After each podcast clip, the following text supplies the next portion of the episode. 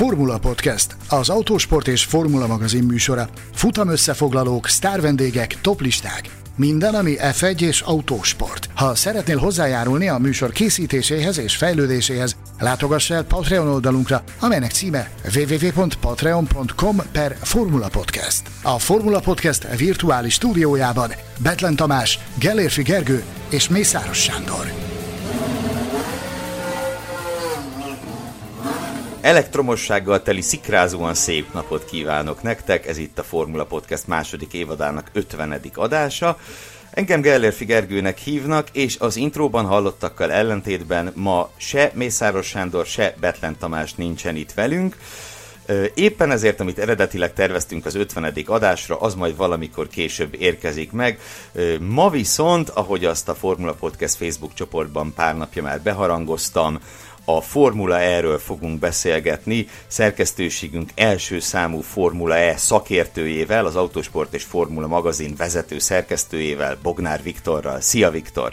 Napsugaras napot, estét, vagy éppen kit milyen napszakban találunk, azt kívánok mindenkinek. Ugye a fő témánk mára a Formula E bajnokság, az FIA elektromos immáron világbajnoksága lesz, amelynek ö, a 2020-2021-es szezonja, amit hivatalosan ugye 2020-21-es szezonnak hívnak, bár valójában az egész idén 21-ben zajlott. Szóval ez a szezon véget ért, és ugye azért is volt különleges ez a szezon, mert először osztottak világbajnoki címet egy Formula E évad végén, de azért azt hiszem, hogyha visszatekintünk erre az évadra, akkor nem ez volt a legnagyobb különlegessége ennek az évnek. nem is tudom, Viktor, honnan, honnan fogjuk meg ezt az elmebeteg évadot? ugye talán, talán az a legdöbbenetesebb adat, hogy a, hogy a szezonzáró dupla fordulóra 18 versenyző utazott el a 24 tagú mezőnyből, úgyhogy volt matematikai esélye a bajnoki címre. Hát igen, ugye tényleg nem is tudom, hogy mit lehet erre a szezonra mondani. Ugye a legtöbb autós bajnokság vagy technikai sorozathoz úgy állunk hozzá, hogyha kettő és még marad az utolsó fordulóra, akkor az szuper, akkor elérte a célját a sorozat, minden a végsőkig kiélezett maradt, örülnek a rajongók, örül a bajnokság, mindenki. Na, és vannak ugye esetek, amikor éppen három bajnok esélyes marad, mint az már a Formulában, a Formula 1-ben is megtörtént. Na ehhez képest, úgy van, ugye ez a, ez a 18 amit mondtál, ez egészen elképesztő szám, 24 fős mezőnyből tényleg, a kétharmada a társaságnak. Sőt, három Sőt, sőt három negyede, igen, egész pontosan, bocsánat. Még esélyes volt az utolsó dupla forduló előtt, jó, oké, az két futam, úgyhogy lezajlott a Berlinének közül az első, és akkor ugye már csak 14-en maradtak esélyesek, sőt az időmérő után az a szám lecsökkent, 10, lecsökkent 13-ra, az már sokkal megnyugtató, már nem is, nem is tűnik el tragikusnak, ugye, olyan megdöbbentőnek, de hogy nem. Uh, nagyon... Ha ránézek a bajnoki táblázatra, bocsi, azt látom, hogy ugye Nick Cassidy 15 lett a bajnokságban. Ha ő megnyeri a szezonzárót, ő a bajnok. Tehát ez, ez té- tényleg elképesztő. Uh, ahogy az is egyébként, aztán majd menjünk bele kicsit részletesebben, hogy mi történt itt a szezonzáró hétvégén Berlinben, de hogy ugye elutazott a 24-ből 18 versenyző bajnoki eséllyel, és a legtöbb pontot nem ennek a 18-nak a valamelyike szerezte Berlinben, hanem egy, egy Norman NATO nevű francia úriember, akinek a neve ugye ismerős lehet azok számára, akik az utánpótlás, utánpótlás szériákat követték az elmúlt jó pár évben. Tehát tényleg volt 18 bajnok esélyesünk, és egy 19. versenyző villantott nagyot Berlinbe, aztán az más kérdés, hogy neki ez a bajnoki összetett 18. helyére volt elég. Ö, igen, fogunk még ilyen számokkal dobálózni, azt hiszem, már csak azért is, mert a szerkesztőségben Viktorral mi ketten vagyunk megáldva ezzel a, ezzel a kis betegséggel, hogy imádjuk a számokat, de hát itt tényleg tele vagyunk, ahogy itt egymás közt mondtuk, elektrosokkoló statisztikákkal, Ö, nem tudom, a kedvenceidet vezesd elő nyugodtan. Igen, és ugye visszatérve erre nagyon szoros bajnokságra, majd beszéljünk arról is, hogy hogy alakulhatott ez ki, hogy tényleg milyen szürreális körülményeknek kell összeállniuk. De azt is megnéztem, hogy mindegyik verseny hétvégén, amelyik ugye 7 darab dupla futamos volt, és Monaco volt az egyedülálló verseny, mindegyik verseny végén más-más versenyző volt a legeredményesebb, mindig más szerezte a legtöbb pontot, volt köztük Alexander Lin, Nick Cassidy szintén, aki egy újonc, Jake Dennis, mindenféle nevek, és ugye, és még most is 15-en lennének egy futam győzelmen belül, Szóval, hogyha lenne még egy futam, akkor ugyanígy folytatódhatna ez az őrület, és az az érzésem, hogy akárhány véletlenszerű számmal több futam lenne, annyi különféle bajnokot hirdethetnénk, szóval nem érzem, hogy ennek a bajnokságnak itt most vége, vagy hogy valami konklúzió lett. Ha lenne még egy futam, akkor ki tudja, lehet, hogy éppen most 11. helyen álló Pascal Wehrlein állna annak a végén a legjobb helyen. Ha lenne még egy, akkor lehet, hogy éppen Stoffel Van Dorn.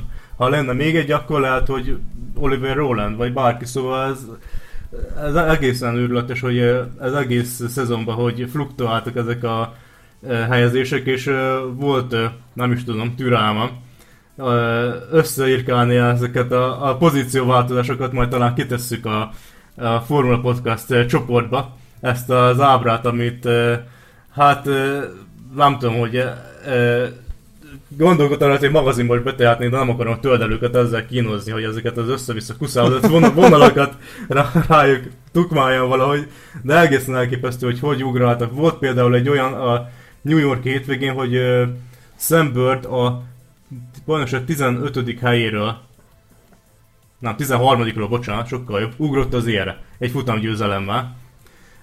Ez egészen hihetetlen dolog, ennyire szoros volt egész szezon során a bajnokság. Nagyon jó, jó kérdés, ha most megdicsérem magamat, hogy jó kérdést készülök feltenni, hogy minek köszönhető vajon ez amellett, mert egy dolog szerintem biztos, hogy a versenyzői színvonal, tehát a mezőnynek az átlag színvonala az nagyon-nagyon magas. Én őszintén azt gondolom, hogy a pályaversenyzésben csak a, csak a Formula 1-ben és az Indikárban van talán ennél magasabb, vagy azt mondom, hogy ilyen színvonalú mezőny, na jó, talán kicsit magasabb is, de hogy alapvetően tényleg egy, egy baromi erős mezőnyről beszélünk, olyan versenyzőkkel, akik nek a java része nem csak itt a Formula ebben bizonyított, hanem korábban junior szériákban, vagy a Formula 1-ben akár, ö, többen vannak, akik Le Mansban letették már, vagy más endurance versenyeken letették már a névegyüket. Ö, szóval ez biztos, hogy számít, de hát nyilván nem csak ez számít, mert a Formula 1-ben is nagyon magas a versenyzői, hogy is mondjam, színvonal, és, és hát ez egyszerűen elképzelhetetlen, nem hogy ez, de hát ennek a töredéke is az, hogy nem tudom, egy, egy szezonzáróra biztos emlékszel, amikor ugye négyen utaztak bajnoki eséllyel 2010-ben, az egy ilyen elképesztő szenzáció volt. Tehát ilyen nem történhet meg a Formula 1-ben. Szóval mi okozhatta ezt, ezt a tébolyt? Hát a fő okaként mindenki az időmérőt nevezi meg. Ugye az időmérő az egy rákfani a formulának, a kezdetektől fogva folyamatosan akárhogy is zajlott a lebonyolítás, mindig az a vád érte, hogy valamilyen módon belányúl a bajnokságba.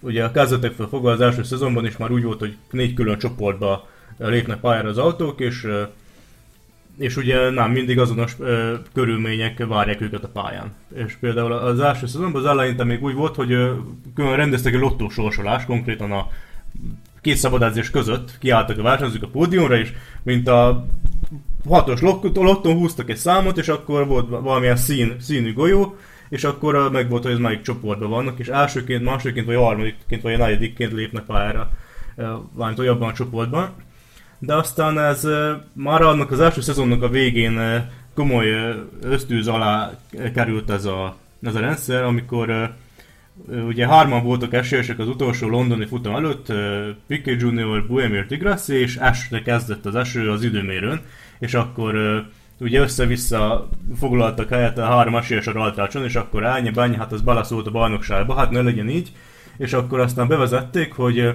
legyenek a bajnokságban egymáshoz közel levő versenyzők egy csoportba.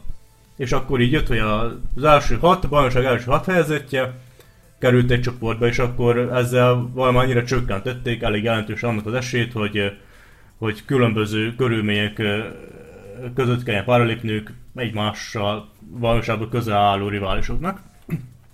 Eleinte még ez is sorsolással ment, mert ugye nem mindig a bajnokság legjobbjai hajtottak pályára először, ott is volt, hogy külön húzogattak, de az előző szezontól, ha jól emlékszek, akkor vezették be ezt, hogy minden hétvégén a bajnokság első hat helyezettje lép pályára elsőként. Aztán ők lefutják az egyetlen egy mért köröket, ugye, ami engedélyezett a szabályok szerint, és aztán jön a második hat helyezett, a harmadik Magyarul helyzet, az éllovasok mennek a koszos pályán. Az éllovasok mennek a koszos pályán, és ennek általában meg is látszott a, a hátránya. Most mit nem mondjak, itt most elsőtök például egy elektrosokkoló adatot. A világbajnokságot megnyerő Nick De Vries a 17. legjobb átlagos rajthelyen rendelkezett a szezonban. Szóval 16 versenyző volt, aki átlagosan erősebb rajthelyei voltak, mint Nick De Vriesnek. Azért, mert a Holland általában a bajnokság elején volt, mindig hátulra esett szinte az időmérőn, a, összesen 5 alkalommal rajtoltott a top 10-ből a 15 verseny során, az éllovas, a bajnok, gondoljunk bele. És onnan kellett magát fölközni, néha elcsípett egy pár pontot, néha kijött neki a lépés, megnyert egy-két futamot, és elég volt az, hogy az élen tartsa magát, de így hát az összes versenyen számvezés volt, mert tényleg mindig szinte borítékolható volt, hogy neki hátulról kell majd rajtolnia, de nem csak neki, hanem a vele egy cipőben járó riválisainak, így Van Dorn, Mitch Evans, Robin Franz, és általában ott voltak vele a hátsó taktusokban, ami egészen abszurd jelenes sor volt, de végül is az egész szezon során ez, ez, ez a forgatókönyv játszott, és ez vezetett ahhoz, hogy, hogy könnyen tudtak több pontot szerezni a bajnokságban hátrébb levők, és épp annyira fölkapaszkodtak az előttük levőkre, hogy, hogy aztán végig egy nagyon nagy kupacban maradjanak ez, ez a 11 néhány versenyző minden futamon.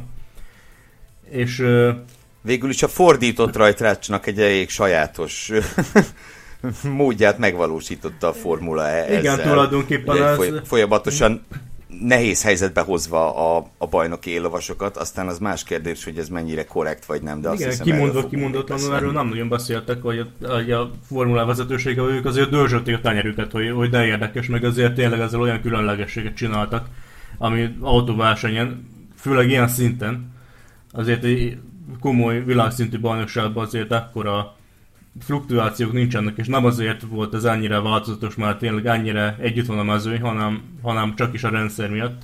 És elég sokan, ahogy haladt előre szezon, egyre többen kikeltek a, a, felszólaltak a rendszer ellen. Például Nick de Friesnek voltak éppen elég, elég ilyen, ilyen lehangoló nyilatkozatai, hogy mindegy, hogy hanyadik vagyok a bajnokságban, amikor a szezonzáróra bajnok esélyesként érkezett, akkor is megállította, hogy valószínűleg ez épp egy rossz pillanat ahhoz, hogy vezessek a bajnokságba az utolsó futamok előtt már, vagy hátul leszek, és akkor valaki megelőz a pontversenybe. És vannak is most kezdeményezések, elég lázasan dolgoznak a színfalak mögött a sorozatvezetői, ha jól értesültem. Abban az ügyben, hogy valamit kezdjenek ezzel a ezzel a rendszerrel, mert elég tartatatlanak tűnik, azért valamennyire a komolyságát is, akárannyira szeretjük a formulát, azért kiöli a komolyságot ebből a bajnokságból, ez, hogy, hogy tényleg lottó versenyzők, és nagyon szívesen nevezték lottónak, sorsolásnak a, a verseny hétvégéket, ami azért nem a legjobb reklám. Főleg, hogy 10 autógyártó ott van a mezőnyben, és mindez talán visszavezethető, vagy elvezethető, eljutunk vele odáig, hogy miért kezdtek el hirtelen hanyatomlok már is kivonulni a gyártók. Például Toto Wolf a Mercedes részéről, amely valószínűleg hamarosan szintén bejelenték kivonulását, el is hintett valamit a sorok között, hogy hát lehet itt mondani a vezetőségnek, hogy nem olyan jó az időmérő, de aztán vagy csinálnak vele valamit, vagy nem. Én ebből arra következtetek, hogy úgy ítéltem meg a Mercedes bizottságában, hogy nem feltétlenül érdemes milliókat belölteni a projektbe, hogyha aztán egy ilyen véletlen generátor szinte dönti el, hogy ki lesz a bajnak, vagy hogy éppen honnan rajtolunk. Na talán kicsit előre, előre szaladtunk, de, de nem baj az, mert mind a, mind a két témát föl szeretném még vetni. Egyrészt ugye a gyártók hirtelen távozását, másrészt pedig a bajnoksággal kapcsolatos kritikákat, de, de egy kicsit maradjunk még itt a szezon, különösen a szezon záró alakulásánál, hiszen ugye Nick de Vries ugye végül is megnyerte a bajnokságot, úgy, hogy talán mondhatjuk, hogy amennyiben ebben a különös rendszerben egyáltalán lehet esélyesekről beszélni, akkor talán mondhatjuk, hogy ő érkezett első számú esélyesként Berlinbe. De hát ugye úgy nyerte meg, hogy egy 22. és egy 8. helyjel. Ugye Berlinben ezt sikerült neki begyűjtenie, egy 22. és egy 8. helyet. És hát nehéz nem arra gondolni, hogy itt a, a, a szezonzáró, tehát az utolsó futam rajtjánál történt balesetnek köszönheti mindenek előtt, hogy, hogy végül is övé lett a bajnoki cím. Vagy nem tudom, vitatkoznál-e ezzel? Hát nem tudom, én is arra készültem, hogy ugye tényleg amikor három esélyes van egy szezonzárón, akkor is mennyi változás lehet, és lehet izgulni, na most ez áll jobban, na most az áll jobban. Hát arra készültem tényleg 13 esélyesre, hogy itt őrület is lehet akár. Aztán ehhez képest a második körtől kezdve Nick de Vries állt bajnoki győzelemre, és aztán be is húzta. De tényleg ez kellett események olyan szerencsés láncolta, hogy hát még örülhetünk, hogy a néz, rajgók nem nézik a formulát, legalábbis nem olyan tömegesen, mint a Formula 1 mert itt lenne csak igazán ösztűznek kitéve a Mercedes azzal, mekkora szerencséje van, ugye? Mint ahogy a Forma 1 ezt nagyon sokszor halljuk a mindenféle kommentelőtől, mindenféle fórumokon akár alappal, akár alaptalanul, nem tudom, nem is tisztán megítélni, de tényleg, ami Nick de Vries történt a szezonzáron, ugye szokás szerint Bocsánat, a... szabad ne fedd, azt, az jól láttam, hogy a mögötte lévő, aki a szezonzáró, tehát a vasárnapi futam előtt mögötte volt, ott sorban hatan nem szereztek pontot, ezt jól nézem itt? Ö... Igen, jól Igen. nézem, meg közben csekkoltam. Ugye Sambird bejött oda, de hogy akik a futam előtt mögötte voltak, mm. ott, ott hat nullázás. Tehát na, ha valami, ez a mázli. Azt hiszem. Igen, és ugye az esélyesek azért jobb arra mezői hátsó traktusában foglaltak, tehát a Raltrács hátsó traktusában. Ha jól tudom, hárman voltak a, az esélyesek közül De Vries előtt a Raltrácson. Ebből az egyik, a legjobb pozícióban lévő Mitch Evans lefulladt, és átrafálta őt a másik legnagyobb kihívó, aki második helyen álló, akkor a a második helyen álló Mortara, mindketten kihullottak, majd a piros után Jake Dennis a harmadik számú kihívó, valamilyen technikai hiba miatt csúszott végül is kínálma vezető hiba volt, ahogy azt talán a felvételből láthatott, és tört össze a bmw és ő is kiesett, és tényleg a, a három versenyző, akik a Mercedes előtt voltak, mind kihullottak, és onnantól Hát formulában nehéz azt mondani, hogy csak be kellett terelni az autót a célba, mert azért egy gyepálták egymást elég rendesen, de frisse nem riadt vissza attól, hogy belemenjen ilyen-olyan adókapukba, ami azért váltó dolog volt tőle, még ha e, hibáztatta is a társait, inkább amiatt, hogy mennyire e, nem kímélték őt, tudva, ismerve a tétet. Na de minden esetre bejött azon a hogy 8. helyen, és már ez is sok volt igazából ahhoz, hogy nem is kellett volna pontot szerezni most sem, ugyebár hogy beigazza a bajnoki címet, de tényleg nem is tudom tényleg, hogy hogy fogjuk meg ezeket az adatokat. Gondoljunk be, Nick de Vries a 15 futamból 4 darab futamon állt fel a dobogóra. És ő a világbajnok. De ez nem az ő... Viszont én, ugye, nem... ha jól nézem, ő, ő szerezte a legtöbb futamgyőzelmet. Hát, már hogy holt versenyben. Igen, holt versenyben kettőt. És nem az ő érdemeit kisebbítem, mert bárki más lett volna bajnok, mindenkinél el lehetett volna mondani valami nagyon hasonló statisztikai adatot. Például a Mitch Evansnél azt, hogy ha nem fullad le és mondjuk befut harmadik helyen, ahonnan elrajtott, akkor úgy lett volna nagyon simán bajnok, hogy a harmadik helye a legjobb eredmény az egész szezonban, amit uh, akkor azt hiszem öt alkalommal ért volna el. Uh, egészen uh, őrületes dolgok. És tényleg azt is kiszámoljuk, hogy 99 pontos szerzett De Vries a 15 futam alatt. Ez 6 egész valamennyi pont egy, futamon, egy futam alatt, szóval hogyha valaki csak a hetedik helyen fut be minden futamon, akkor az már az ugye 6 pont, az a 90 pont, az a nagyon szorosan ott lenne az émező, de ha valaki hatodik helyen fut be minden futamon, az már 120 pont, akkor az már csont nélkül megnyerte volna a bajnokságot. Őrület. Hát tényleg nehéz ezekkel a számokkal mit kezdeni. Ö, azt mondd meg nekem, te, mint aki te nem, nem ismerek embert, aki nálad lelkesebben követi ezt a szériát. Lehet, hogy vannak a világon, de megkockáztatom, hogy nem túl sokan. Hogy ki lehet egyáltalán azt jelenteni, akár A-t, akár B-t, hogy a legjobb versenyző nyerte a bajnokságot, már úgy ért, hogy a legjobb teljesítmény nyújtó versenyző, vagy ennek ellenkezőjét? Tehát ezen a káoszon át lehet látni annyira, hogy kiemeljünk versenyzői teljesítményt, akár Nick de Friesét, akár másét?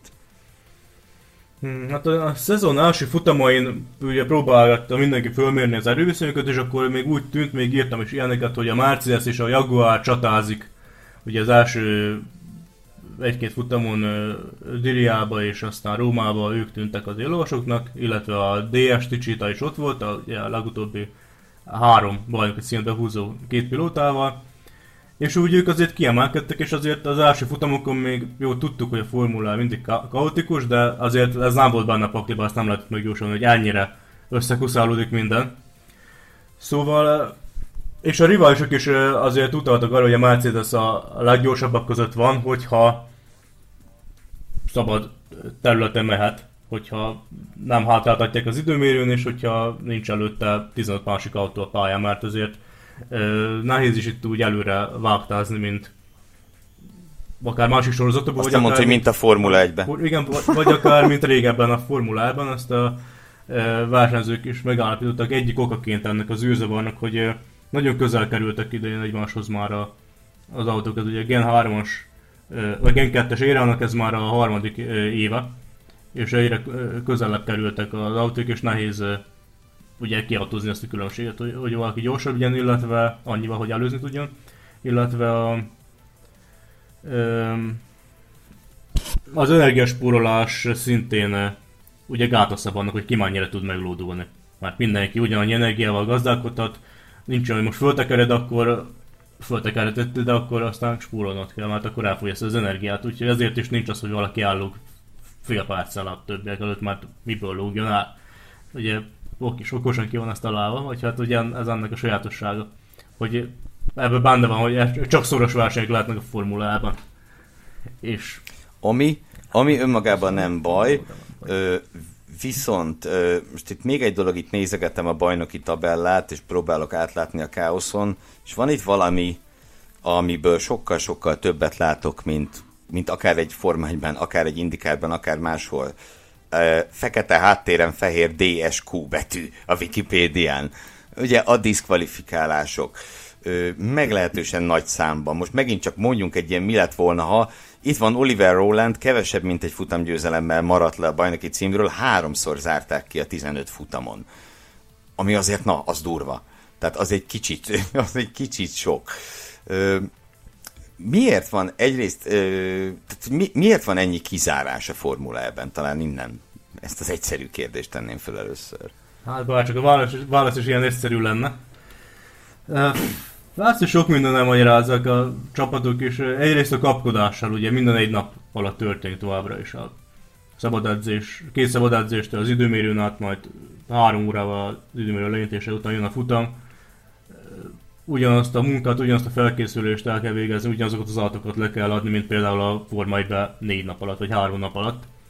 És csúsznak el a hibák. Tényleg voltak olyan abszolút dolgok, amikor Stoffel Bandon től elvették a pozíciót Pueblában. Ugye az is egy, egy emlékezetes eset, hogy megnyert az időmérőt, és aztán szóltak neki pár perc vagy órával később, hogy ö, utolsó lesz. Azért, mert rosszul ütöttek be egy vonalkódot, nem volt szabálytalan az autó, de valamilyen adat, amit le kellett adni a csapatnak, és uh, már leütött egyszerűen az ember a billentyűzetet, azzal indokolt a Mercedes, hogy ugye ez a fat finger effektus mondták, hogy ugye nem a ezt a számot nyomták, hanem mellett előtt, egészen véletlenül nem csalt senki, csak a, ami adatot leadtak, az nem egyezett azzal, ami az FIA-nál meg volt, hogy, hogy azt kellett volna leadni. És emiatt ilyen, ez egy abszurd dolog, és tényleg aztán meg voltak olyan vétségek a más versenyzők talán okkal zúdulnak fel, hogy a versenybalesetekért, vagy hogyha valakit kilöknek, vagy Lucas Di Gassi emlékezetes box utcán keresztül mindenkit megelőzése, amiért először nem akartak kizárni, aztán végül kizárták, mert nem töltötte le a stop and műtetését, de hogy azokért meg nem jár a kizárás a versenypályán történt vétségekért, de az ilyenért igen. A másik, talán még Egy a Van is emlékezetesebb pedig, pedig Pascal Wehrlein esete, aki New Yorkban nyert futamot, de rajta kívül már mindenki tudta a befutó előtt, hogy nem fogja megtartani győzelmet, mert nála is valami, valami adatot nem jól adtak le a gumik körül, és akkor és akkor ezzel elvették a győzelmet. Szóval nagyon kegyetlen esetek vannak, és tényleg egy ilyen bajnokságban ez egész konkrétan a bajnoki címekről dönthetett. Rengeteg ilyen eset. Hát, hogyne, hogyne, tehát van, van itt négy, öt pilóta, akiről azt mondhatjuk, hogy ha az a kizárás nincs futamról, vagy éppen idővérőről, akkor, akkor most lehet, hogy máshogy hívják a bajnokot. Na de beszéljünk még kicsit a bajnokról, akit ugye Nick de Friesnek hívnak. Ö, az első holland, világbajnok, amit a Mercedes nagyon gyorsan e, igyekezett megállapítani, és valószínűleg a Red Bull óra alá dörgölni. Szenzációs trollkodás. Szenzációs trollkodás volt a Mercedes részéről, az autósport első holland világbajnoka. De ugye nem csak ezért érdemel szót ez a fiatalember, hiszen ugye két évvel azután, hogy a Formula 2-ben megszerezte a bajnoki címet, gyakorlatilag a csúcsra juttatta a Mercedes-t, és, és hát szólnak arról hírek, ahogy arról néhány hete a Formula Podcastben is hallhattatok, ha nem is hírek egyelőre, inkább még csak plegykák, pusmorgások, hogy hamarosan, akár már jövőre a Formula 1-ben láthatjuk Nick de Friest. Ugye itt a pusmorgás pápa, ahogy őt emle- elneveztétek, Mészáros Sanyi jelenleg jól megérdemelt nyári szabadságát tölti, úgyhogy itt részletesen nem tudja elmondani, mindazt, amit hallott, de engem azért annyiban kiokosított, hogy alapvetően arról van itt szó, hogy a távozó félben lévő Mercedes csapattól, mármint a Formula E-ből távozó félben lévő Mercedes csapattól, erre majd mindjárt visszatérhetünk, Toto Wolf nem máshová menekíteni Nick de Vries, hanem egyenesen a Williams istálóhoz, ahol ugye legalább egy ülés várhatóan megüresedik. Fogalmazunk így, azt hiszem ez egy úgy szóval politikai korrekt megfogalmazás, de elég valószínű, hogy lesz üres ülés a Williamsnél. És hát tulajdonképpen ö, nem is tudom, tehát mi lehetne jobb ajánlólevél annál, mint hogy három év alatt az F2-ben meg a Formula E-ben is nyertél. Ö, azt hiszem, hogy ez és Toto Wolff támogatása és a Mercedes kapcsolat már bőven bőven elég lehet Nick DeFries számára egy F1-es üléshez. A Williams pedig én azt hiszem nagyon jól járna ezzel, hiszen ha George Russell-t elveszítik, az ő úgymond mondjuk így előléptetése miatt, akkor egy, akkor egy másik ö, olyan fiatal tehetséget kapnak helyette, aki, aki azért bizonyított már. Te a magad részéről szívesen látnád Nick de Vries a Formula 1-ben, vagy jobban örülnél, ha maradna itt a, az elektromos szériában riogatni az ellenfeleket? Hát én nagyon kíváncsi lennék rá a Forma 1-ben is. Ugye ő, ő 2019 végén azon balszerencsés F2-es bajnokok közé került, aki lemaradt az F1 debütálásról, egyszerűen nem úgy mozogtak a, az államok, az ülések, hogy neki akkor legyen helye. De a formulában is bizonyította, bár ugye tényleg nem tudni, hogy, hogy ez mennyit ér ez a Formula világbajnoki címem, hogy ugye az előbb is kérdezte, csak hogy visszatérek rá, hogy volt-e élmezője, voltak-e esélyesek.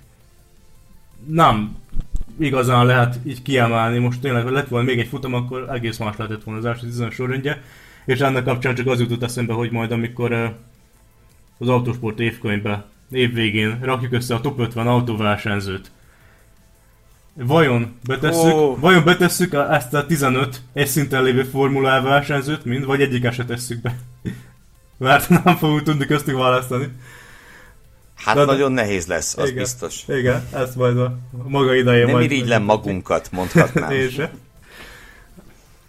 e, és azért is örülnék Nick de Vries Formula 1-es debütálásának, mert kicsit megfordulna a trend. Ugye eddig az volt a tendencia, hogy a Formula 1-ből jönnek a versenyzők a Formulába, és voltak is ezek a károgó kommentárok, hogy hát a Formula az ilyen pilóta temető, mert a ugye akinek az f már nem jutott hely, az előbb-utóbb kiköt ott. Aztán persze lehet, hogy ott még Most van, van is lesz, jó tegyük hozzá, hogy mind, mindenre ezt mondják, tehát Le az Indikárra, azért ezt mindennek kapcsolatban hallhattuk. Igen, már. és e, éppen az idei Formula szezon e, bizonyította, hogy ez nem pilóta, mert ez pilóta feltámasztó. Nézzük csak meg például um, akár Nick cassidy vagy akár Norman nato aki el volt tűnve az elmúlt öt évben, alig hallottunk róla, és most hirtelen észrevetettem az utolsó versenyeken, vagy csak Jake Dennis, aki szintén hasonló sorsú, évek óta nem hallott róla senki, és hopp, szerzett egy harmadik helyet a világbajnokságban, a debütáló szezonjában, BMW-vel. Szóval jönnek itt a rajogó tehetségek, és örülök, hogy Nick de Vries is azok közé került, akik tudtak itt bizonyítani, és nem pedig elsüllyedtek a mezőnyben valahol, és aztán az is előfordult volna velük, akár sokakkal, de, de hely tudtak állni, és, és körfogásba tartották a nevüket, és innen még tényleg akárhol vezetett számunkra az út. Kíváncsi lennék rá a, a másik hollandra, főleg, hogy a Mercedesnek is lenne ugye saját nevelési hollandja, és aztán saját még hollandja. egy újabb szintet nyithatna a, a nagy holisztikus csatájukban, formáiban. Abszolút, abszolút. Na, lebegtettük itt már itt a, a Mercedesnek a helyzetét. Ugye a Mercedesről, ha jól mondom, de javíts tévedek, hogy jelen pillanatban még nincsen hivatalosan kimondva, hogy távoznak a Formula ebből, csak úgy benne van a levegőben. Ugye? Igen, azt írják hivatalos, valamint, hogy hitelesnek vélt külföldi weboldalak, akik belső információkkal rendelkeznek a Mercedes házatájáról, hogy ez, ez már tényleg itt van, hogy már nem is az a kérdés, hogy megtörténik-e, hanem hogy melyik nap jelentik be. Ami azért egy elég meglepő húzás, hogy ugye még egy szezon maradnának e szerint, egy harmadik szezont, és annak a végén szállnának ki, de hát most jöttek. És most lettek világbajnokokat. Mi, mi a gondjuk, ugye az előbb valamennyire rátértünk már, hogy, hogy ez a, ugye a Forma is volt ez a mondás, 2000-es évek közepén, amikor a rengeteg nagy gyártó volt, hogy ez nem tartható a vételenség, és majd valaki utolsó lesz közülük, vagy nem olyan kedvező pozícióban lesz, és akkor azt fogják mondani, hogy hát ez, ezért nem maradjunk, ez, ezért csak ártunk a, a brandnek, vagy akármi. És lehet, hogy most ezt köszöntött rá a formulára is. Vagy hát én azt érzem egy kicsit, meg ugye kiszáll az Audi meg a BMW az elektromos sorozatból, amit hát a, ugye zászlós hajójuknak tituláltak, és nem is igazán látszik, hogy mit akarnak csinálni. Ugye az Audi megy egy kicsit dakarozni, de hát az, az csak egy projekt, ez egy verseny.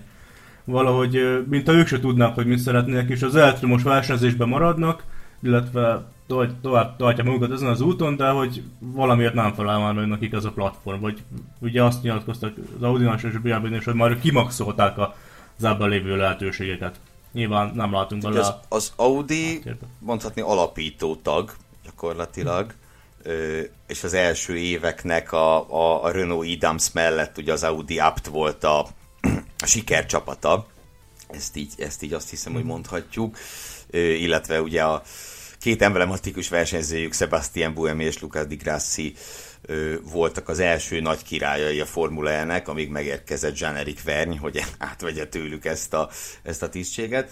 A BMW viszont ugye csak fél lábbal lép ki, hiszen legalábbis technikai partnerként, ha úgy tetszik, motorszállítóként, vagy nem hajtásláncszállítóként talán így korrektebb, ugye marad az Andretti, az Andretti csapatnál. Mi a helyzet a többiekkel? Többi gyártóról vannak-e ilyen, ilyen, ilyen rossz hírek, vagy, vagy a többiekért nem kell aggódni? Hát elég az a három, akiért aggódni lehet. Én többről nem tudok. Igazából a, ezeknek a nagy autógyáraknak kicsit szerencsék, hogy van a NIO 333 és a, és a Dragon Penske, akik elfoglalják a konstans utolsó két helyet a csapatok tabellán, így azért nem kell például a Porsche-nak vagy a Nissan-nak azzal a méltatlan helyzettel szembesülniük, hogy ők lennek az utolsók a tabellán.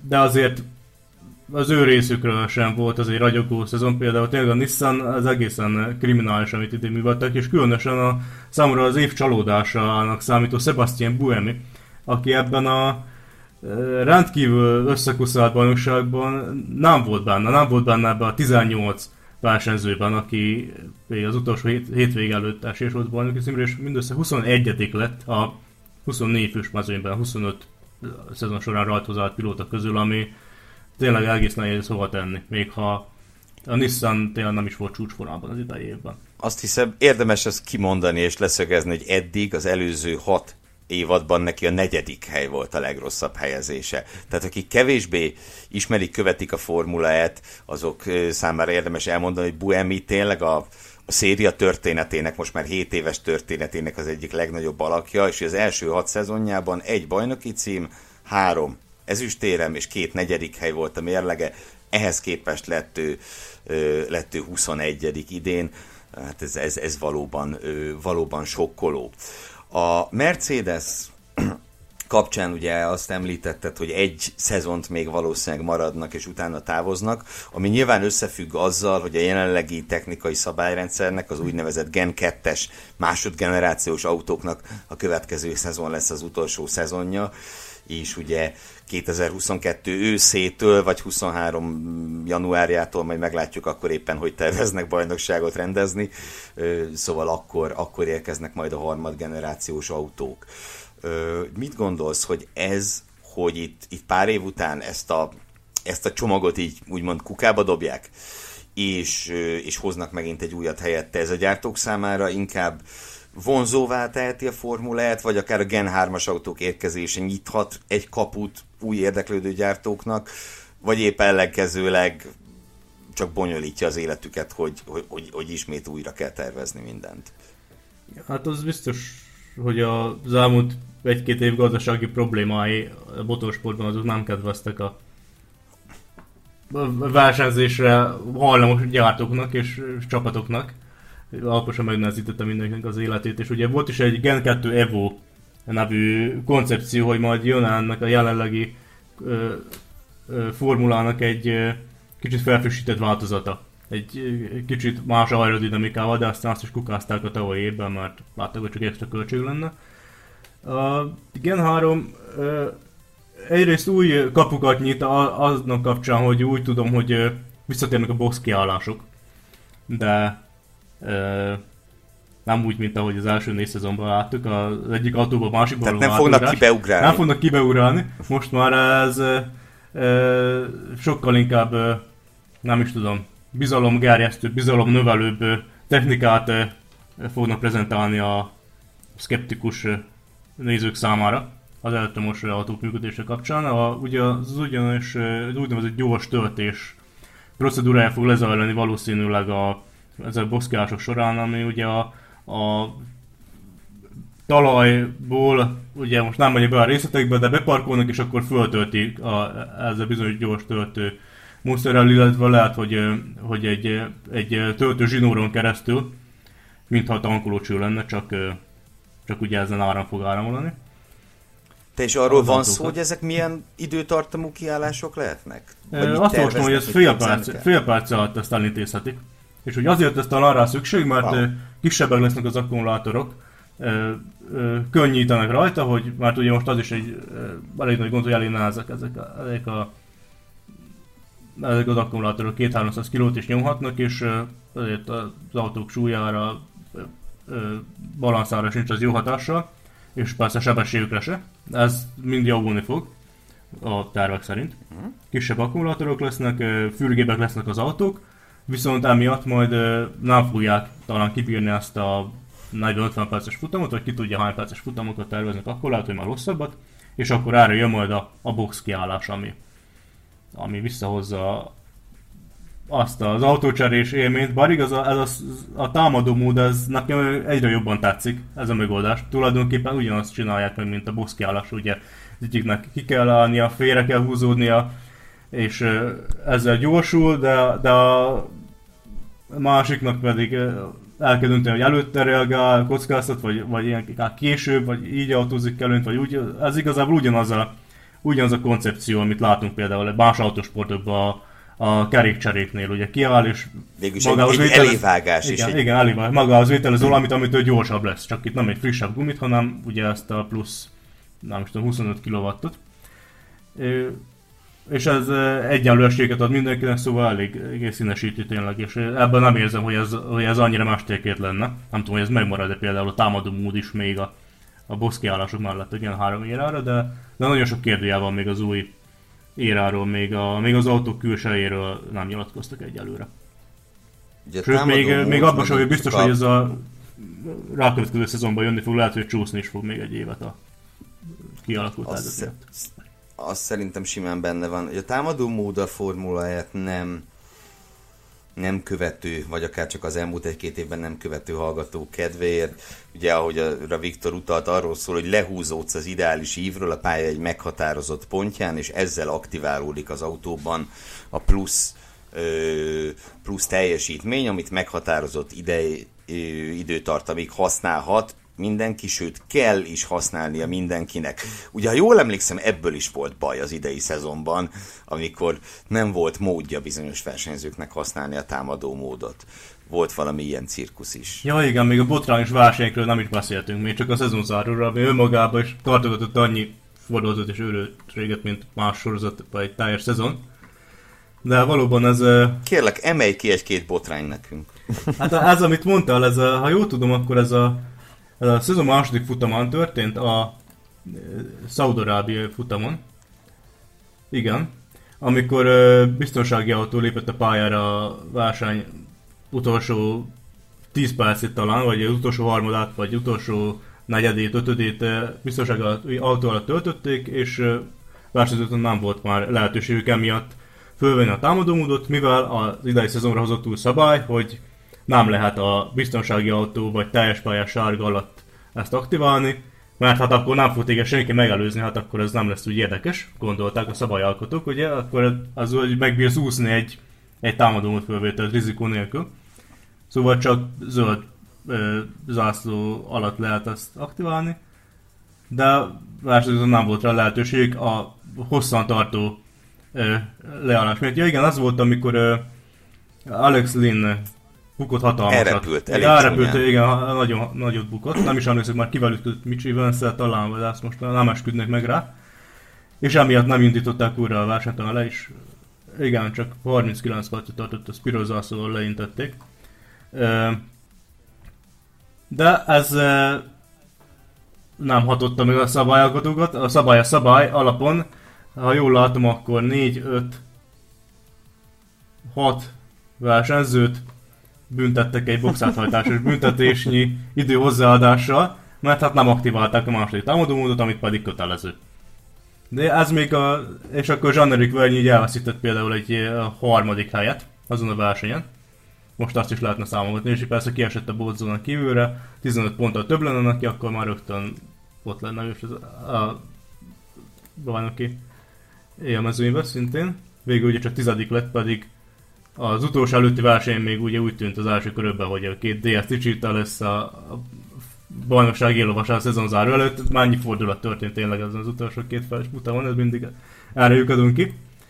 Na de miről is volt szó? A botrányos versenyek. Hát a másik, hát az, az tényleg az, az világbotrány, az első helyezett lesz a, az év botrányai között, remélem, majd a, az évvégi szavazásunkon amikor is hát kifolyott az energia az autóból. Valenciában. és a kilencen értett célba értékelhető eredménnyel, de úgy, hogy a... Igen, tehát hogy nem sikerült minden pontszerző helyet kiosztani. Igen, és az utolsó Jean-Éric is úgy lett 9 hogy 4 perces kört poroszkált körbe, hogy ugye olyan lassan haladt, hogy akkor kevésbé fogyasztott az energiát és úgy sikerült vagy betötyörésznie a 9. helyen. Ugye ott az volt a gond, a, ugye kicsit kényszerből utazott a Valenciába, az, ami egy épített pálya, a Formula E, mert ugye még akkor a, a vírus miatt a, pár helyszínt időnyos törölni kellett, és akkor na az ott egy biztos helyszínt, tesztelni szoktak ott, megvan az infrastruktúra, meg volt, hogy hova építenek sikánt, szuper lesz ott a két versenyt lefutni, csak nem olyan adottságú az a pálya, mint egy utcai versenyhelyszín. Nevezetesen nem tudtak a versenyzők annyi energiát visszanyerni. Ugye ez is egy nagyon fontos része az energiaspórolásnak, hogy a féktávokon nagyot fékeznek, és, és akkor termelik vissza a fékenergiából a, a, az energiát, amit aztán gyorsulásra használhatnak. És ugye tipikusan sok nagyon kemény féktáv van egy Formula E pályán, igen, utcai igen, pályán. Igen, és azért is teszik bele a sikánokat, nem, nem azért, hogy ne menjen el nagyon gyorsan, hanem már muszáj nekik a fék, fékezni és a fékenergiát gyűjteni. És hát azon a pályán megtörtént, hogy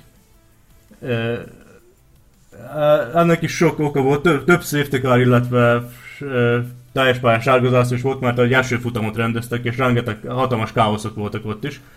És ugye szintén az idei évre kitalált szabály, hogy mindig levonnak energiát az autókból a biztonsági autós periódusok után, hogy nehogy túl sok maradjon benne, és nehogy ne kelljen spórolni. Ugye, jó, hát nehogy az teligázzal a... menjenek. Nehogy teligázzal menjenek. Igen, mert hát mi lesz akkor a Formula alapelveivel, ami az energiahatékonyság.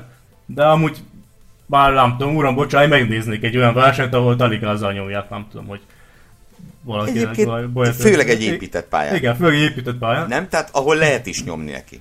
Igen, na de ott ö, a, addig vonogattak, és még az utolsó körök előtt is volt egy safety car, és akkor is levontak valamennyi kilovatort, amit ugye nem vesznek ki az akkumulátorból, szóval benne marad az energia, csak hát azt figyelik, hogy te túlhasználtad-e azt, amit kell. Szóval igazából nem már ültek le az autók, de még pont maradt egy kör, mert, mert úgy jött ki a matek egyszerűen, nem tudtak, a csapatok sem nem tudták, hogy, hogy mennyi fog maradni. Mindenki sötétbe tapogatozott, és egy körrel előbb vége kellett volna legyen a versenynek ahhoz, hogy mindenki be tudja fejezni egész egyszerűen, és, és a Mercedesek voltak ott a leghatékonyabbak. Ez volt az a verseny, ha jól tudom, ahol Van Dont-től elvették a pult, és utolsó erről rajtolt, amit az imént már említettünk, de végül a harmadik lett, mert mindenkit kizártak előle, vagy leparkolt előtte, vagy valami balesetbe keveredett. És igen, és Nico Müller lett, akiről még nem beszéltünk, oka, de ezen az egy versenyen érdemes, hiszen jó lett a második a, a szintén a serékhajtók közé tartozó Penske-vel.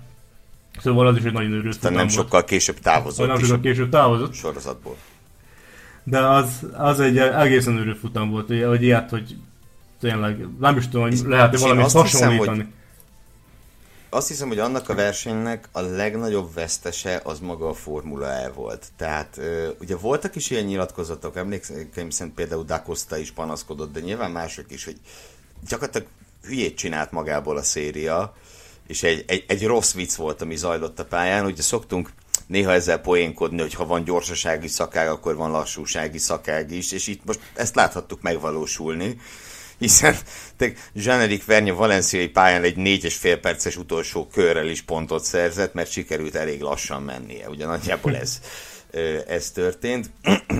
és ugye összességében is azt mondhatjuk, hogy a Formula E amellett, hogy szerintem legalábbis nagyon jó versenyzői anyaggal, sok, de egy színes mezőnyel, sok gyártóval, marha jó helyszíneken, nagyon izgalmas versenyeket produkál, emellett azért megvan a baj ezzel a sorozattal, ami elsősorban nem az elektromos mi voltában keresendő, sokkal inkább a, mm, a sokszor átgondolatlan szabályokban keresendő, ami ugye eredményezte a szaudi büntetését Vernyéknek, ami eredményezte itt a, a valenciai ö, bohózatot, ö, ami az is egy ilyen szabály nyilván, amit itt az adás elén az időmérő kapcsán beszéltünk, tehát hogy mintha a mm, szabályalkotó testületben nem gondolnának végig minden eshetőséget. Nekem már többször ez volt a benyomás, hogy papíron elméletben jól néz ki, mint a Forma 1 volt a, mm, a, a, a székfoglalós időmérő 2016-ban az első két futamon. Tehát, hogy papíron ez egy jó szabály, csak a valóságban lesz belőle valami borzasztó dolog. És, és én azt hiszem, hogy ez az, ami, ami sokakat távol tart, vagy elriaszt ettől a szériától. Ö, és adott esetben akár a fanboostot is ide vehetjük, amit még szóba se hoztunk, ugye? Igen, szerencsére, vagy nem is tudom, szerencsére, sok más ennél is őrültebb dolog mögött az már egészen áll elsikkat. Már alig, alig látunk olyat, hogy valaki fanboost elő, előzés és komoly pozíciót, vagy versenybefolyásoló pozíciót szerintem. A fanboost egy olyan plusz teljesítmény, amit a rajongók szavaznak meg a, a És a Mercedes, és, és Stoffen Vandor nyer meg, olyan, mint a foci, amit 11 játszanak, és vagy 22 és a németek nyernek. A fanboost egy olyan extra teljesítmény, amit a rajongók szavaznak meg, és Stoffen Vandor nyeri. Ha jól tudom, akkor az eddig összes versenyén kapott belőle, bocsánat, hogy félbeszakítottalak. Ja nem, semmi, de hát azt nézem, hogy idén ugye Nick de Vries is összesen egyszer nem kapott a 15 hétvégéből.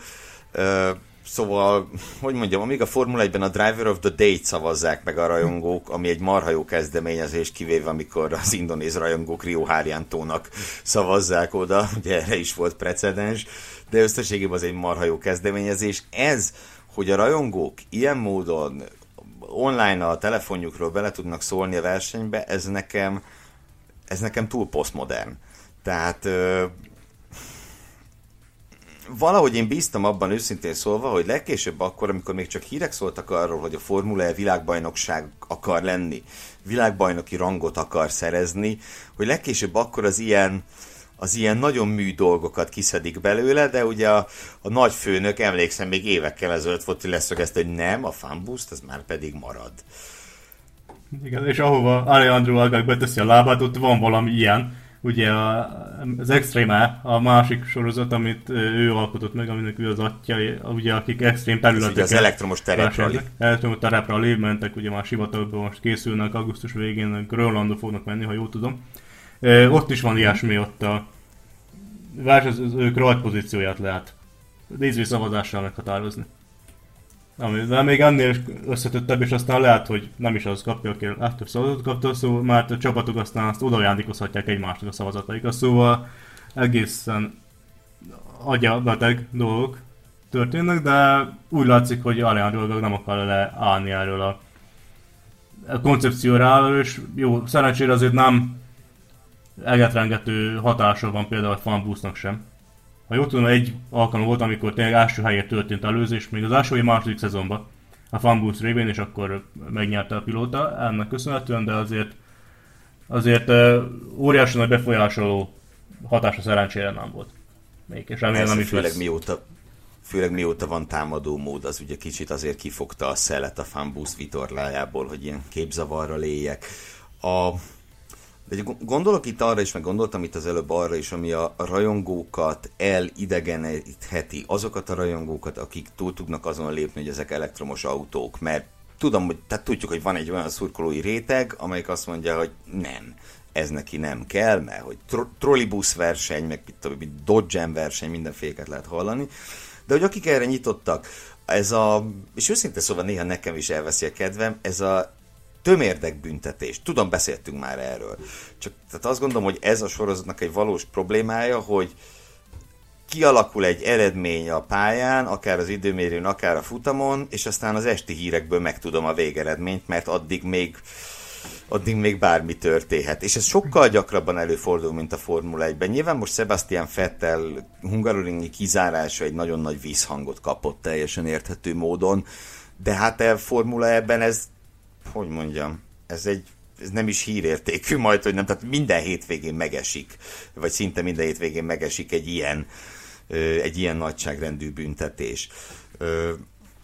Nem tudom erről mit gondolsz, hogy lehet ezzel valamit kezdeni, akár a szabályok enyhítésével, hogy egy, hogy egy félreütött vonalkód az ne okozzon kizárást vagy mi lenne itt a megoldás? Mert megmondom, érted, mire gondolok? Hogy egyszerűen sok a, a büntetés, és sok a kizárás. Igen, értem. Hát igen, sajnos nem látunk bele, hogy ki tudja, hogy más bajnokságokban is van-e félreütött vonalkód, és vajon ott elnézik-e. És csak nem kap nagy visszhangot, már tudják, hogy azért na ne már, ne, ne toljuk már ki ezzel, emiatt a versenyzővel. Nem tudni, hogy van-e ilyen, de de valóban, ha végigörgetjük az eredménylistát, az szinte minden futamon látunk valakit, hogy büntetés azért, büntetés azért, ö, rengeteg protokoll van, amit még a fanboost használatát is meg lehet sérteni, azt is lehet rosszul csinálni, azért is lehet 5-10-20 másodperces büntetését kapni, mert rosszul használod a fanboostot. Azt, azt sem értem pontosan, hogy, hogy rosszul azt is a versenyző állítja be a, annak is az erejét, és akkor valamit biztos lehet azzal is mahinálni. De egyébként is ez probléma ezeknél a büntetéseknél, sokszor nem is érti a néző, még oké, okay, hogyha legyen sok büntetés, de mondják meg, hogy ezt csinálta, ez volt a védség, mit tudom én, hogyha balesetet okoz, akkor az egy elég egyértelmű, látod, hogy valami történt, egyetértesz el vagy nem, de, de látod, hogy valami történt. De azt írják néha, sokszor, hogy egy gyakori eh, kizárási vagy büntetés eh, maga után vonó ok, hogy az energia túlhasználás például. Vagy eh, túllépi a, a a megadott energiaszintet, illetve ilyesmi dolgok, amik, amiket nehéz megfogni, ugye nézői szempontból. Nem nagyon látják, hogy a, az egyszerű néző, hogy itt most mi történt. Csak annyit látunk, hogy kiírták, hogy ezt most megbüntetjük, és akkor meg van büntetve, és nem nyár, hanem utolsó lesz. Ilyenek vannak, és vannak például ez a, van ilyen Energy Spike, ezt a több versenyzés ezt emlegette, hogy néha megugrik egy kicsit az autóknak a, az energia használata, ugye megvan a, limit, hogy már annyi szabad használni, és akkor például egy huppanon, hogyha áthaladnak, vagy valamilyen körülmény történik velük, akkor egy nagyon rövid pillanatra megugrik az az energia használat, uh-huh. vagy nem is tudom, amit, amit néznek ilyen szigorúan, és nyilván az sem nem jelentett előnyt, csak valami olyan történt, és akkor hogy ezzel sem nem elég elnézők valószínűleg. Nagyon sok évek óta vannak kizárások és boxáltatások, büntetések ez miatt. És ez emiatt is sokan felszólaltak már, hogy azért lehetne ezt kicsit elnézőbben. Nem kellene olyan komolyan. Mint ahogy, hát most hogy vegyen valaki komolyan egy olyan bajnokságot, teljesen komolyan, ahol 15-an egy győzelmen belül vannak, akkor ne vegyük már ezeket se ilyen halálosak, hogy ne csináljuk úgy, mintha ez egy nem tudom milyen véleményű dolog lenne. Hát, nehéz Én azt ügy. hiszem, hogy a... Mm. Még nem készülök lezárni a ö, lezárni ezt a témát, már hogy a Formula E témáját, de azt hiszem, hogy ilyen rész összegzést mondhatok, hogy alapvetően azt hiszem mindkettőnkről elmondható, hogy szeretjük ezt a bajnokságot, de azért, azért látjuk, hogy vannak vele bajok. Remélem, hogy te, te álláspontodat is nagyjából jól megragadtam. Igen, nagyon jó szórakozás. Tényleg szórakozás szempontjából, hogyha tudod, hogy leülsz egy formula verseny elő, akkor ott történni fog valami. Mint egy, nem tudom, mint egy MotoGP. Ott azért, ott vannak, ott van akció. Ahhoz tudom hasonlítani. Vagy egy oválpályás indikár verseny. Ott azt, azt azért úgy lehet élvezni. Az, ott, ott nincs vonatozás, vagy Szóval érted, hogy miről beszélek valószínűleg, és hát a rajongók is, és a hallgatók is értik, az úgy ugye a lényeg. Hogy nagyon jó szórakozás, de tényleg ezek a... Hát ez a szinte minden, amit az elmúlt egy órában felsoroltunk, ezek a kicsit a komolytalansága felé hatnak, hogy elveszek a komolyságából. Akár az időmérő, akár a fanboost, akár a rengeteg büntetés. Szóval ezekkel kellene valamit csinálni, mert a mezőny kifogástalan. A versenyzők és a gyártók száma minősége szempontjából is. De, de valahogy, és még ki is tartanak elég sokan, de hát most ugye ki tudja, hogy a, ezek a kivonulások mennyire tudhatók beállnak. Ugye, mint ahogy erről már beszéltünk. De tényleg, igen, hogyha... Igen. Az, az az érdekes számomra tudod, hogy egy két-három éve mm, nekem úgy tűnt, hogy ez a Formula E, ez a motorsport legnagyobb sikersztoria. Ugye elkezdődött egy egy olyan bajnokságként ez 14, 14-ben, ugye igen, igen 14, 14 őszén, hogy igazán senki nem tudta, hogy mire lehet ettől az egésztől számítani, és mi lesz ebből, és teltek az évek, egyre nagyobb lett az ázsiója, egyre többen ö, lettek a gyártók, a rendezővárosoknak a egyre nagyobb és nagyobb volt az érdeklődése, ugye Covid előtti érában volt egy ilyen szám, Alándro Ágák mondta fenet, ugye igaz, hogy 60 város van jelenleg, aki érdeklődik versenyrendezés iránt. Nyilván a Covid ebbe beleszólt, az teljesen egyértelmű. És ugye egyre inkább jöttek azok a pilóták, akik, hogy mondjam, akik nem kényszerből mentek oda, mert máshova nem kellettek. Ugye az első egy-két évadban azért a versenyzői névsor még elég változatos volt. Voltak nagyszerű versenyzők, mint Buemi, Di Grassi, stb., de hát most nem, nem emelnék ki senkit, de volt, voltak azért furcsa nevek is a felsorolásban de egyre erősebb lett a versenyzői anyag is. Ez utóbbi megmaradt, viszont ugye tényleg a gyártók most egyszer csak kifele mennek, és a, a rendezőhelyszínek érdeklődését nyilván a, meg lehetőségeit a, a Covid krízis az alapjaiban szétvágta. Úgyhogy azt látom most a Formula egy kicsit ilyen, ilyen nem is tudom, ilyen, ilyen libikóka helyzetben van, hogy, hogy, hogy menne fölfele, de közben kicsit megy lefele. Aztán megfordulhat ez még. Ö, nem tudom, te hogy látod a következő éveket? Milyen borúsan vagy derűsen látod a sorozat számára? Hm. Hát inkább derűsen. Azért eddig is elevickélt, és szerintem ezen a szinten még legalább ilyen komolysági szinten azért meg fog maradni, ami azért nem olyan vészes. El lehet szórakozni komolyan lehet venni, azért, azért van egy súlya egy Formula bajnoki címnek, akár ilyen zűrzavaros szezonban szerzők meg, bár ugye a legtöbb szezon zűrzavaros véget ért, azokat is majd egyszer végigmehetünk rajtuk, hogy egészen őrült forgatókönyvek voltak szinte az összes bajnokság végén. Hát gyakorlatilag ugye csak a tavalyi bajnoki cím volt sima.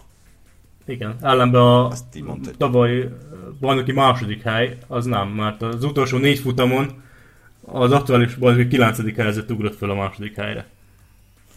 A, ugye a, a Berlin futamok, úgyhogy ott is, ott is már azért volt egy kis előszele annak, amit aztán idején kaptunk. Nem tudom, hát én, Igen. én bízok benne. Szerintem nem fog, nem fog leromlani a, a színvonal, hogy úgy mondjuk a versenyzők, hát nem látok rá okot, hogy miért fordítanak ki hátat. A gyártók, hát ugye a BMW is itt maradt, talán az Audi és lehet, hogy a Virgin továbbra is szállítani fogja a motort. Ugye a nagy szívfedem ugye az apt, viszont nem lesz ott a mezőnyben, mert lecsúszott a határidőre, a jelentkezés határidőről valami zűrök miatt. Úgyhogy az egyik alapító is. Köszönjük, egy lesz. újabb, nem? Egy újabb ilyen Formula S sztori, Igen. hogy a széria egyik legsikeresebb csapata az Igen. lecsúszott a jelentkezési hmm. határidőről. Jaj, de kár az ilyenekért. Szóval, szóval ott, ott maradnak még ezek a gyártók is. Most nyilván nem fejlesztik, vagy már legalábbis olyan erőbedobással nem a motort. Ki tudja, hogy Gen 3-as érában is annyira lesznek életképesek ezek a mostani specifikáció Audi és BMW és akár Mercedes motorok, hogyha ők is erre sorsra jutnak. De nem is feltétlen kell ebben a sorozatban 10 gyártó, mint ahogy az összes többi már sincs a világon. Szóval szerintem elműködhet az. A csapatok megvannak, legtöbb is ugye félprivát, illetve szinte mindegyik autogyártó mellett van egy, egy privát csapat, aki működteti őket. Ugye a, a DS-nek a Tichita, a Nissan-nak az Idams, a, a Jaguar-t talán kevesen tudják, hogy a Williams eh, eh, emberei Gardira, szóval nem tudom, hogy mennyien vannak még ott, de hogy ők először Williams-szel léptek együtt szövetségre, és akkor ők ők voltak a szerelő csapat, ő, ők adták a, a stábot.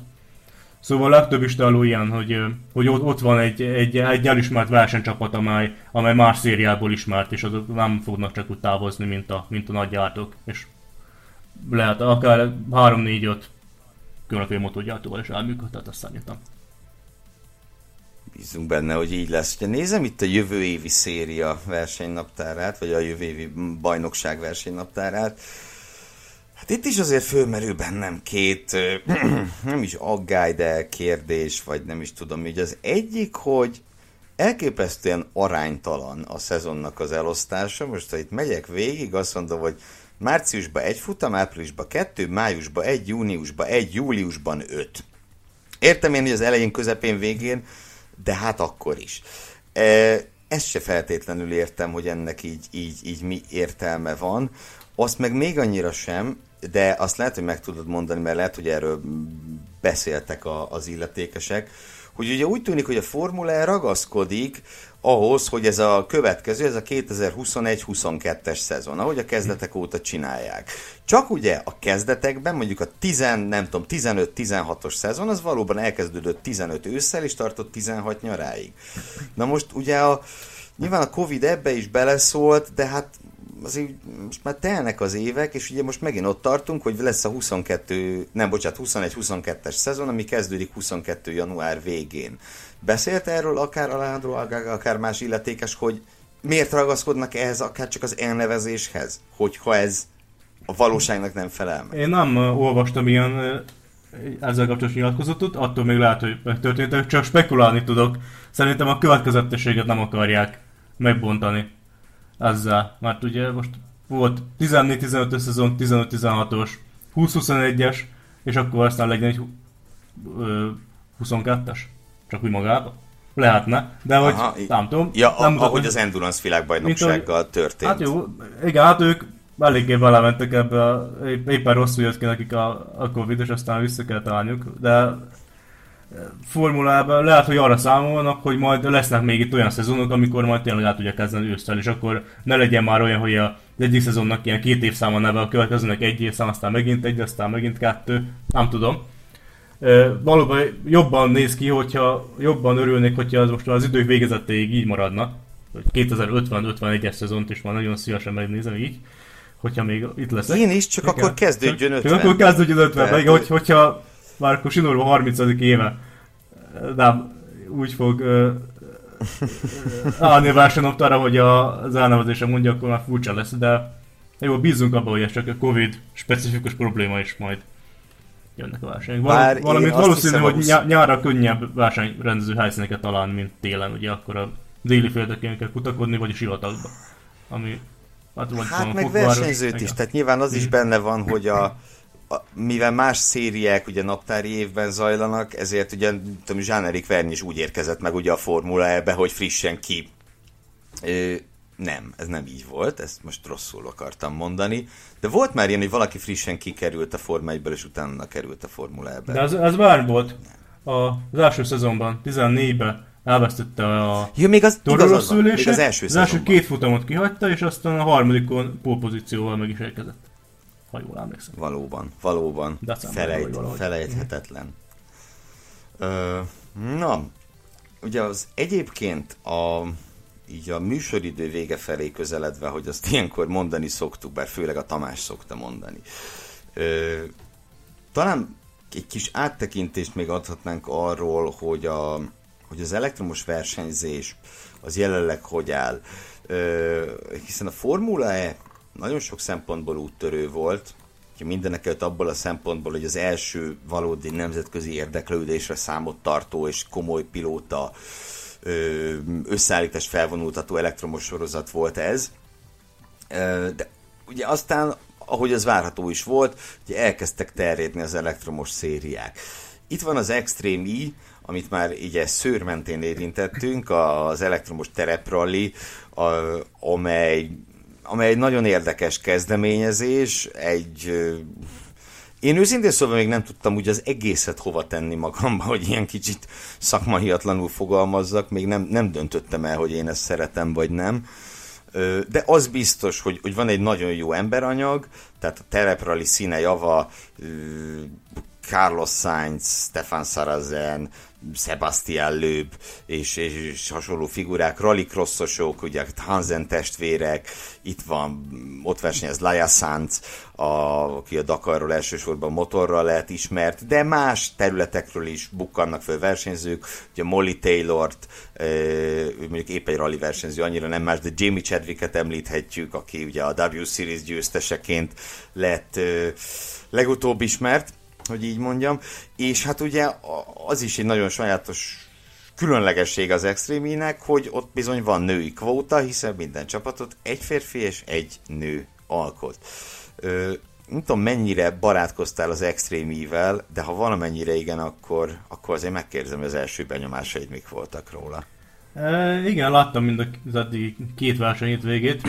Hát látszik azért, hogy még keresik a helyüket, és tapogatóznak, és még néha bácsúznak hibák, azért ez is egy extrém, neve is mondja, meg Alejandro Aga személye jelent rá garanciát, hogy szélsőséges dolgokat próbálnak itt is véghez vinni, és azért voltak itt formátum módosítások már az első verseny hétvégén is több alkalommal, hogy hogy is hány autós legyen egy szerepályán, mert ugye az lett volna itt a fő koncepció, hogy hogy több autó versenyez egymás ellen a sivatagban, mint egy tereprajt futam, ahol nem egyén indításos, hanem egy, egyszerre indulnak és harcolnak egymás Hát Az, az első kanyarit tartott, aztán mindenki elveszett a második a porfelhőjébe.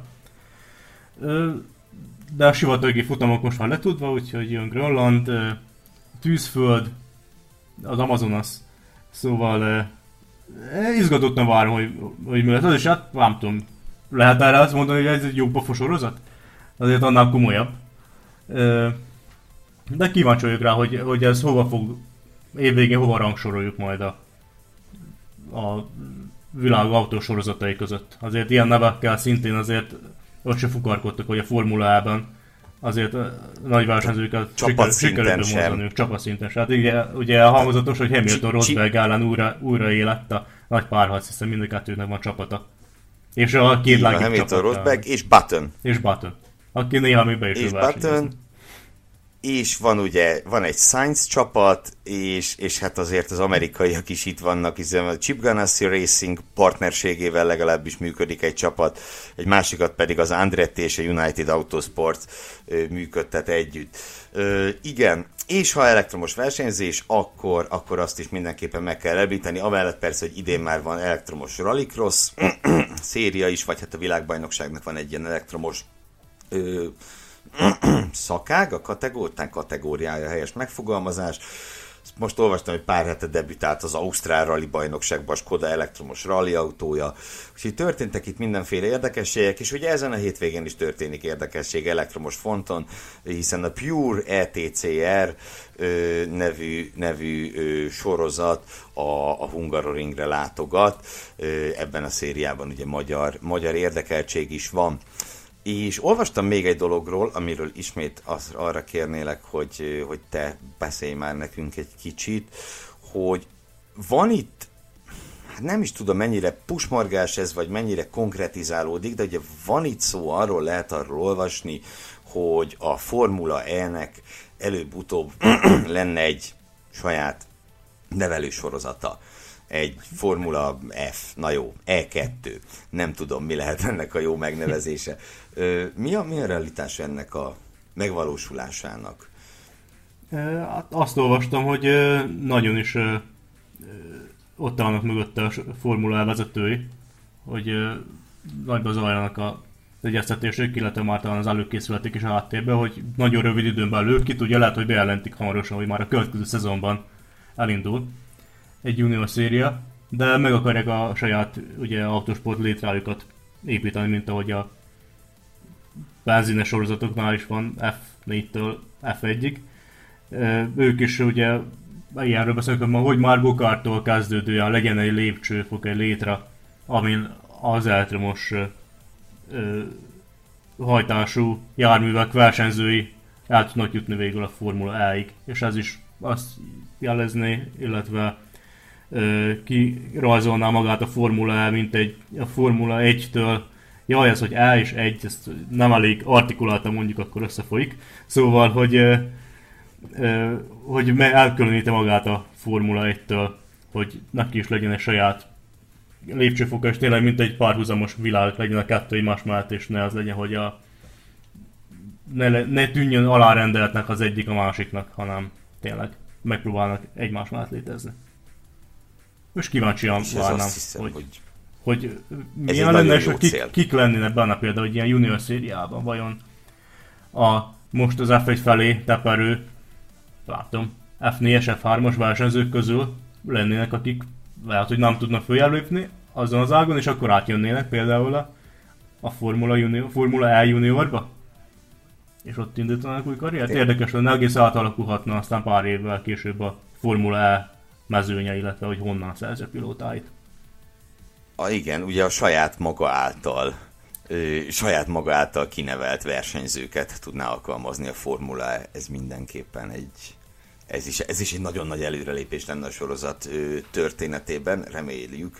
Én a magam részéről tényleg nagyon remélem, hogy egy, egy dicső történet lesz ez, és ö, mindazok a, nem is tudom, az ostorzó, ostorzó szeretet megnyilvánulásai, amelyek itt elhangoztak az elmúlt bő órában, pedig hát majd, hogy úgy mondjam, célt érnek.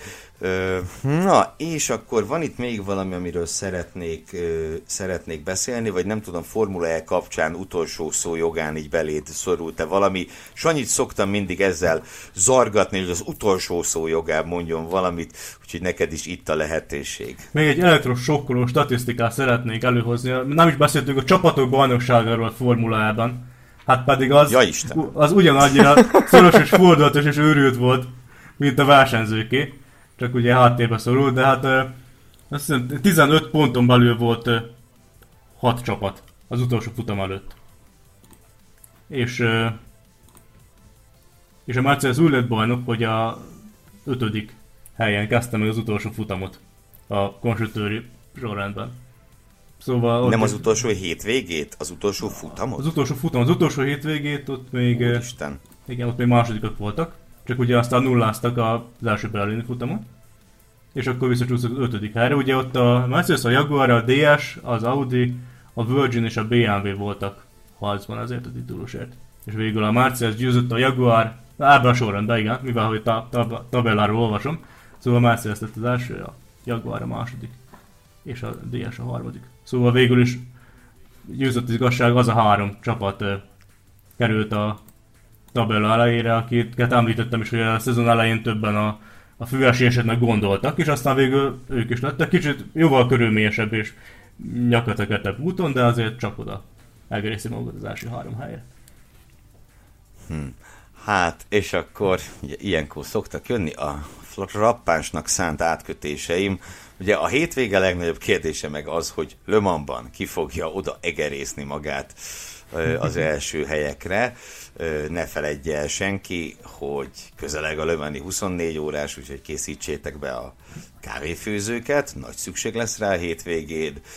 Nagyon-nagyon érdekes Lömani hét várható, pontosabban már el is kezdődött, hiszen ugye amikor beszélgetünk, akkor a teszteken már bőven túl vagyunk, és és hát ugye a Glickenhaus legalábbis egy körön bizony, bizony rá tudott ijeszteni a, a Toyotára. Ö, aztán ö, attól óvaintenék mindenkit, hogy most a házat, kocsit, lovat, istálót és mindent föltegyen a Glickenhaus Le Mani győzelmére, de hát ki tudja végül is a Jackie Chan Racing is majdnem megnyerte már egyszer a 24 órást, úgyhogy bármi, ö, bármi elképzelhető.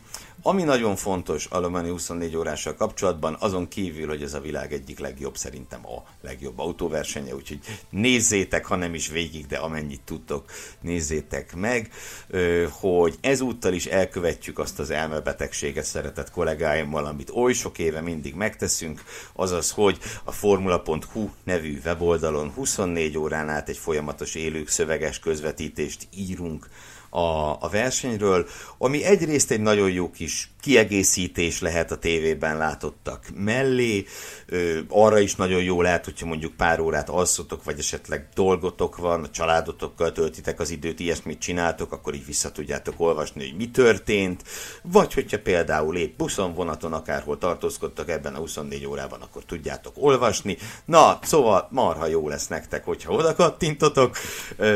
A Formula Podcast Facebook csoportban mindenképpen beteszem majd a linkjét, de formula.hu címoldalán is ott lesz bő 24 órán át. Balog és Gobodics kollégákkal, akiket sokszor hallhattatok már a podcastben, velük fogjuk, fogjuk végigvinni ezt a közvetítést. Viktor, azt hiszem te is voltál benne ilyen akcióban, ugye? Igen, még a régi időben. Én is, de most már azt lássuk hogy milyen sok Formula E versenyző lesz a Le Mans 24 órás rajtárcsán, szóval akinek nem volt elég ezekből a nevekből, akiket eddig soroltunk, az konkrétan a, az egész, szinte az egész Formula idei élmezőnyét, ami ugye egy elég nagy halmaz, megtalálja a Le Mans rajtrácson, főleg az LMP2-es kategóriában ugye ott lesz már De Vries, Van Dorn, Franz, Da hogy csak a legnagyobbak említsem, és ugye a hiperkárok között az elmaradhatatlan Sebastian Buemi, aki szépített valamit a szezonján, például egy győzelemmel itt vége. Hát, De rajtuk kívül is itt vannak, akiket nagyon nagy érdeklődésre fogok figyelni, ugye Juan Pablo Montoyát, aki ugye még mindig LMP2-ben megy, szóval nem tör egyelőre tripla koronás reményekre, de hát egyszer is megtörténik. Aztán ott van ugye a, a hölgy csapat, a Calderon Flős, vissza, akik tavaly remekül mentek, és most ismét megpróbálkoznak a Richard Miller Racing team illetve... Sőt, a gt között ugye van egy másik hölgylegénység, Új, a 85-ös mm. amatőr GT autó, szintén mm. három hölgyel. Igen. Illetve szembetűnő még, hogy Kevin Magnussen megvalósíthatja álmát, és apjával, Jan Magnussennel együtt fog versenyezni az LMP2-es kategóriában szintén, úgyhogy rajtuk mindenképp érdemes lesz ott tartani a szemünket.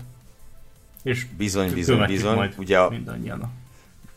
Ma- Magnussen papa egy, egy nagyon nagy Le Mans menő, hiszen ö, gyakorlatilag több mint 20 éve ott van, és most már nagyon-nagyon sok ideje GT-kkel versenyzett, négyszeres kategória győztes GT-vel, az idősebbik, tehát Jan Magnussen, és hát most ugye valóban a, a, az LMP2 trónjára törnek ö, a kisfiával, Kevinnel, ami adott esetben akár egy összetett dobogót is érhet az LMP2 trónja, hiszen mindösszesen 5 hiperautó van a mezőnyben, zárójelbe tegyük hozzá valójában csak négy, hiszen az Alpin valójában egy ilyen, egy ilyen átmentett LMP1-es autó, ugye a Rebellion régi autója, talán sokaknak mond valamit ez a név.